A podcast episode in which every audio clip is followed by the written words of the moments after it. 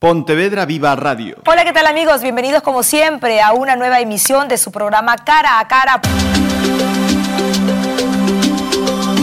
Amigos, ¿cómo están? Bienvenidos. Estamos en el cara a cara. La conversación, la confesión, usted sabe. Cara a cara.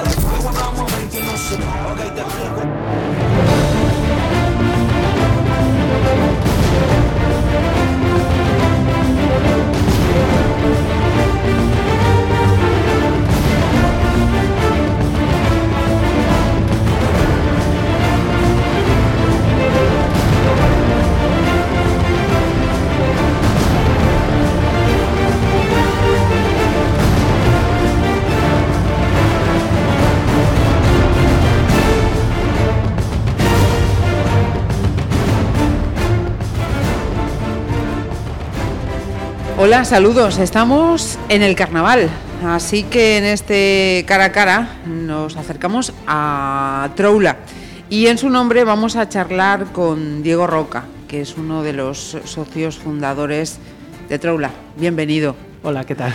Bienvenido y, además gracias por hacernos un huequito que enseguida vais a entender eh, lo que supone que, esté Diego hoy aquí.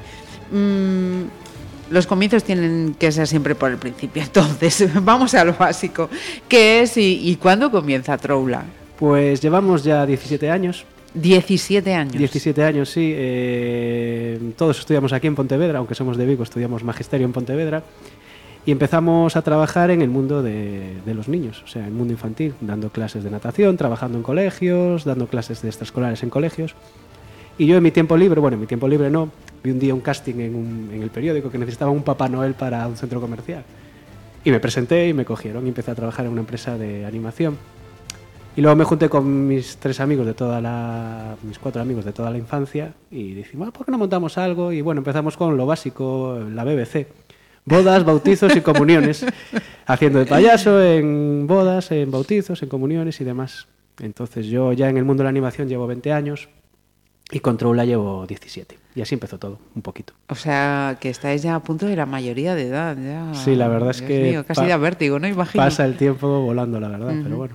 Y, a día de hoy, eh, ¿cuántas personas estáis en, en Troula? Eh, viviendo todo el año, eh, somos cuatro personas. Lo que pasa es que en temporada tenemos un grupo, digamos, sobre 20, 25 personas que, que bueno, la mayoría pues tienen trabajos liberales, son músicos o son artistas que tienen sus proyectos personales pero bueno, en verano o en épocas fuertes como ahora el carnaval o la Navidad, pues, pues saben que están con nosotros. Y, así es. ¿Y, qué se requiere para, para estar entre Hay que ser músico, hay que ser actor, hay que ser animador. Eh, depende del puesto que ocupes, pero bueno, básicamente eh, ser animador, o sea, y saber romper esa pared con, con, el público, o sea, saber interactuar. Un poco lo que caracteriza a Troula es, romper la frontera entre el espectador y el, personaje que están viendo. Ajá. Eh, como decíais, eh, me refería a esos, a sus comienzos, ¿no? A día de hoy seguís haciendo espectáculos infantiles, hacéis espectáculos de calle, espectáculos de, gran formato. Por lo que he visto en, vuestra web, no hay emplazamiento imposible para vosotros. Habéis hecho en castillos, en calles, en plazas, en playas, en parques. No hay sitio imposible. Eh, la verdad es que no, nosotros nos adaptamos siempre al espacio que nos solicita el cliente y bueno, pues tratamos de buscar una solución a lo que, a, lo que ellos quieren y que al público le guste, claro. Eh, hemos actuado en sitios espectaculares, la verdad, eh, y llegar a un castillo, por ejemplo, vamos a Andalucía siempre, me hace mucha gracia porque es un pueblito ahí perdido en, Sierra Morena, en Andalucía, con frontera con Portugal, y llegas al castillo y es un patio de armas con tierra absoluta y no hay nada más, y nosotros llegamos y montamos todo y lo convertimos en un, en un lugar diferente, mágico, por esos momentos que estamos actuando.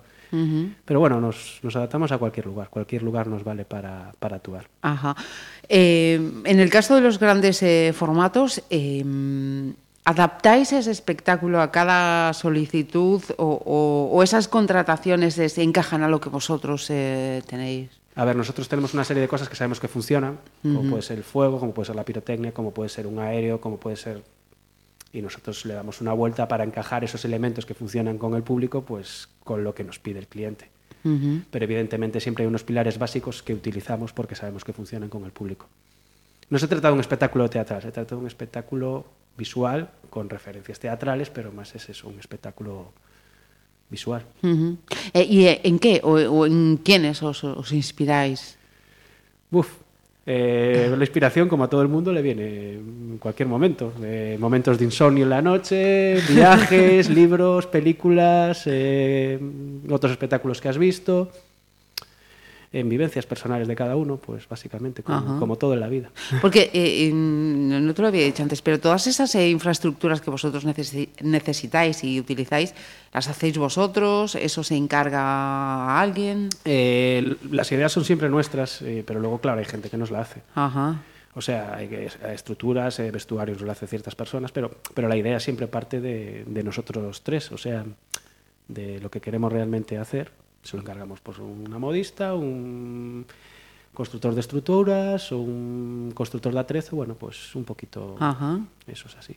¿Y, cuál es eh, más exigente o, quién os exige más a vosotros? ¿El público infantil, el público adulto o son dos mundos totalmente eh, diferentes? Eh, la exigencia normalmente viene cuando el cliente paga en la entrada. no, sí es curioso, ¿eh? O sea, lo hemos comprobado. Cuando tú actúas y está pagando una entrada, la exigencia es mucho mayor. En cambio, cuando actúas en calle, parece que esa exigencia no es tan grande, como que la gente no se da cuenta que realmente lo está pagando también, porque una contratación de un ayuntamiento lo están pagando con sus impuestos. Pero el público es mucho más exigente cuando haces un espectáculo en sala y paga una, entrada. Es mucho más exigente. Y en cuanto a los niños y los adultos, pues los niños son sinceros. Si no les gusta algo, se levantan y se van. Así de claro, es así. El adulto, pues a lo mejor por respeto, por elegancia no lo hace, pero, pero bueno, yo creo que, es lo mismo, más, básicamente. Em, estamos en febrero, uno de los meses, me decías, intensísimos para vosotros y te quería eh, preguntar por, por todas esos eh, espectáculos y sitios donde, donde vais a estar estos, estos días? Pues el, carnaval la verdad es que coincide, bueno, sabes, bueno, eh, para quien, quien, no lo sepa, coincide con la luna de Semana Santa y a partir de ahí se cuentan 40 días para atrás y coincide el miércoles de ceniza. Entonces cada año coincide eh, diferente. O sea, no hay una fecha fija. Este año, desgraciadamente o afortunadamente, nos coinciden tres eventos muy potentes. Nos coincide la arribada de Bayona, que es el primer fin de semana de marzo siempre. Nos coincide el carnaval. Y nos coincide un proyecto europeo que nos vamos a Inglaterra, que ya es la cuarta vez que vamos, eh, un proyecto de vikingos, nos vamos a York. Entonces nos coincide todo. Entonces estamos divididos en tres grupos que uno nos vamos para aquí, otro nos vamos para allá, con todo el material, que ya hay material que mandamos la semana pasada a Inglaterra y, y son cinco o seis días súper intensos, pero bueno, súper gratificantes porque son tres eventos que nos, nos encantan. Y nada, así andamos. Y, en Reino, Reino Unido, ya me decías que, que, no es la primera ocasión, con lo cual eh, Troula ya no es eh, una, una, empresa que, que, sea demandada dentro de, de España, sino que también eh, os, reclaman fuera? ¿Qué, qué, sitios eh, os tienen ya fichados? Nada, así extranjero, Portugal, que no cuenta, ¿no? Pero, bueno, lo decimos, ¿no? Sí, sí, estamos ahí compartiendo península, pero no deja de ser otro. Y luego en las islas sí que hemos trabajado mucho. Hemos trabajado en Irlanda, hemos trabajado en Escocia, hemos trabajado en Inglaterra. Y hemos trabajado en Francia también, en la Costa Azul. Hemos estado en el carnaval de, de Niza, que es uno de los carnavales más, más potentes así a nivel mundial. Ajá. Y en Inglaterra hemos trabajado en dos cosas totalmente diferentes. Hemos trabajado en unas fiestas de música electrónica. Sí, sí, sí. unas mega fiestas que hacen en... Este año estuvimos en Southampton, que es donde salió el Titanic para, bueno, para, para hundirse. Para su destino final. para su destino final. Y hacen una mega fiesta con una carpa de circo enorme, meten 12.000 personas y bueno, nosotros hacemos, digamos, las performances entre pase y pase. Ajá. Y ahora estamos con el evento este que se llama Follow the Vikings, que es un, un proyecto europeo que está en todas las comunidades vikingas del norte de Europa y bueno, estuvo aquí en Catoira también. Ajá. Y es un gran espectáculo. El, el programador nos vio en, en Catoira y le encantó lo que hacíamos y quiso transmitir nuestro espíritu salvaje y vikingo en, las tierras del norte y para allí que nos fuimos. Sí, señor, sí, señor. Y aquí en Pontevedra sois unos perfectos conocidos. Eh, itineranta, Feira Franca y, Noite Pirata. Em, ¿qué, os, os, vincula con Pontevedra, además de ese inicio que decías de que habíais estudiado aquí? Pues estudiamos aquí y aunque somos de Vigo, eh, sentimos la ciudad como, no digamos como nuestra, ¿no? pero conectamos mucho con la filosofía de la ciudad. Eh, desde y no es un peloteo, ¿eh? Eh, desde el Departamento de Cultura creo que se trabaja de una forma alucinante. Se trabaja con, una, con proyectos durante años, con una idea, con una finalidad. Yo soy de Vigo y me, me, duele mucho decirlo, pero la forma con la que se trabaja aquí la cultura y las fiestas es, es envidiable. Y hemos trabajado ya, te digo que hemos trabajado en muchas partes, ¿no? Y, creo que se trabaja muy bien y se programa muy bien. El, verano es una barbaridad de programación. Empieza a mediados de junio, acaba con la, con la Feira Franca y digamos que hay programación para todas las edades, en todos los sitios. Y bueno, eh, nos encanta. Tanto la gente de Pontevedra y la filosofía de, trabajo de aquí Nos, nos, parece envidiable. Ajá. Precisamente hablando del público, ¿el público pontevedrés es un público muy reactivo? El público de Pontevedrés eh, es un público que se ha ido educando con los años y al principio con el tema de calle pues era un poco menos participativo, pero hemos notado una evolución eh, tanto por nuestra parte como por su parte, eh, cómo reaccionan a los espectáculos de calle. Y hoy es un público que está muy informado y sabe muy bien cómo, cómo mm, actuar ante un espectáculo de calle y sabe valorarlo. Y eso es muy de agradecer. Y no, no pasa en todos lados. ¿eh? Hasta hace muy poco las artes de calle eran como de hippies y de, de gente que, bueno, que no tenía otra cosa que hacer. Y, pero hoy la gente ya se da cuenta que es tan valorable un espectáculo en calle como un espectáculo en un teatro o un auditorio. Y eso aquí en Pontevedra se nota. La gente sabe muy bien eh, valorar. Itineranta, claro, Itineranta es una pasada. Ves a las familias cómo van corriendo de aquí para allá para ver los diferentes espectáculos. Y este año es el décimo aniversario. O sea, que... Sí, sí, sí. Este año vienen las 10 mejores compañías de los últimos 10 años y hay un final muy potente pirotécnico. Y bastante... Adelanto algo. Mira, y ahora en el carnaval, la noche pirata, ¿no? Que comenzó siendo algo así como a ver qué pasa con esto y, se ha convertido en una de las noches más potentes del Carnaval de Pontevedra. Sí, no, es alucinante ver a, todo el mundo en la calle, eh, a, familias con niños pequeños de 3, 4, 5 años a las 12 de la noche por ahí, en su carrito con el niño durmiendo, pues eso la verdad es que te, emociona y dices, joder, qué guay, qué guay que, que, la gente pues salga en familia a disfrutar de esta noche y la verdad es que es maravilloso. O sea. Y, además eso, tomando parte también vestidos. Sí, sí, claro, claro, eh, claro. Vestidos no, porque aquí ya lo, de vestirse de no, es ataviados como, como, pirata. Como, pirata, sí. La verdad que se recuperó ahí un pirata que es Benito Soto y bueno, su barco, la Burla Negra, se recuperó ahí una historia perdida. No, no, es una fiesta histórica, eso lo quiero aclarar también, porque estamos en carnaval, entonces nos permitimos ciertas licencias hay un barco inglés, un barco francés. Eh, Benito Soto nunca llegó a pelearse con ingleses y franceses a la vez. Pero bueno, como es carnaval nos permitimos ciertas, ciertas licencias históricas que a lo mejor en la Feira Franca pues no, no las podemos permitir. El carnaval nos da ese permiso para, para hacer para este, introducir... tipo de este tipo de cosas. Ajá. Mira, y, para este año, dado que estamos hablando de un espectáculo eh, pues temático, que siempre es, es, el mismo, eh, ¿introducís también novedades? Sin destripar nada, ¿eh? Digo, no, no, no. Eh, hay más novedades, hay más barcos. y, hay más caña, más pirotecnia, más. Bueno. Vamos increciendo siempre. Siempre subiendo un peldaño cada año. siempre hay un poco algunas sorpresillas y este año sí que las habrá. Ajá. Y mira, antes de, terminar, Diego, yo tenía eh, una duda. Em, ¿Qué significa eso de nos queda la plaza cuando la gente se vaya? Que es la canción de los restos del naufragio de Bumburi, ya que hablamos de piratas. Pues para nosotros es un momento muy, muy especial cuando estás recogiendo todo el material, todo el montaje, ¿no? Y ya ves la plaza donde has actuado antes, que estaba súper llena de gente, y para nosotros es un momento como súper, voy a poner así, melancólico, un momento así súper íntimo para nosotros, que ya está la plaza vacía, ya se retiró la gente y tú estás recogiendo, y es como el primero en llegar a esa plaza y el último en irte, ¿no? A esa plaza o a esa calle, donde sea. Entonces, pues, pues un momento bastante bonito para nosotros. Por eso lo pusimos en la web. Y bueno, aparte que nos gusta, bueno, a mí personalmente, me gusta Bumburi, que estuvo el año pasado aquí en Pontevedra. Sí, señor, sí, señor.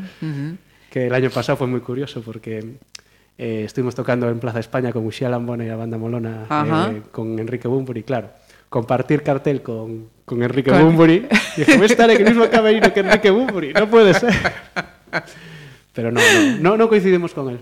¿No, coincidisteis con él? No, no, no. Ah. Pedimos unos pases VIP o algo así, pero no, no hubo forma. Habrá que pedir otro concierto y a ver si, si el siguiente es posible.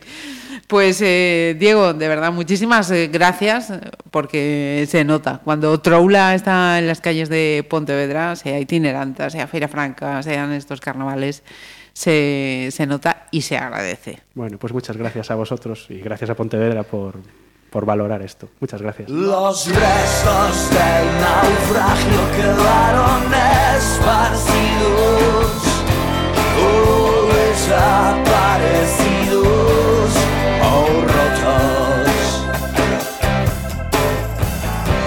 Nos queda el presente que ya es suficiente y no nos debe faltar queda la suerte que si se balancea un poco nos puede tocar. Nos queda Oaxaca,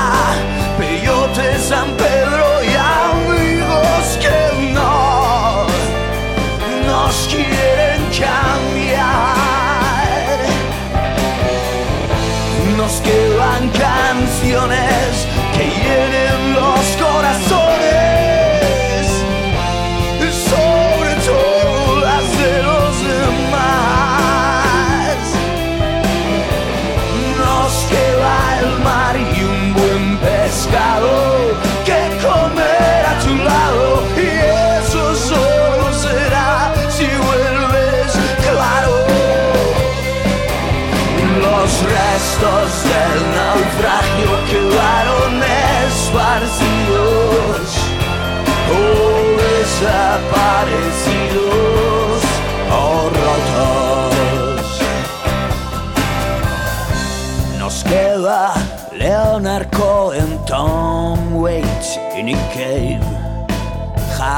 Santiago e Loco di Andris. Charlie, Fido e Eric, Andrea e come no, esa mi Julieta.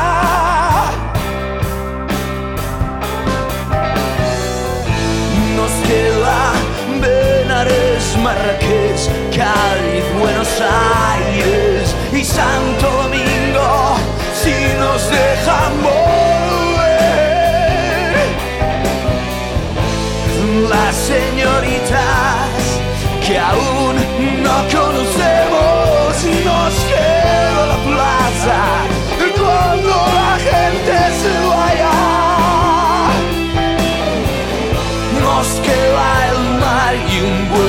pescado que comer a tu lado y eso solo será si vuelves claro. Los restos del naufragio quedaron esparcidos o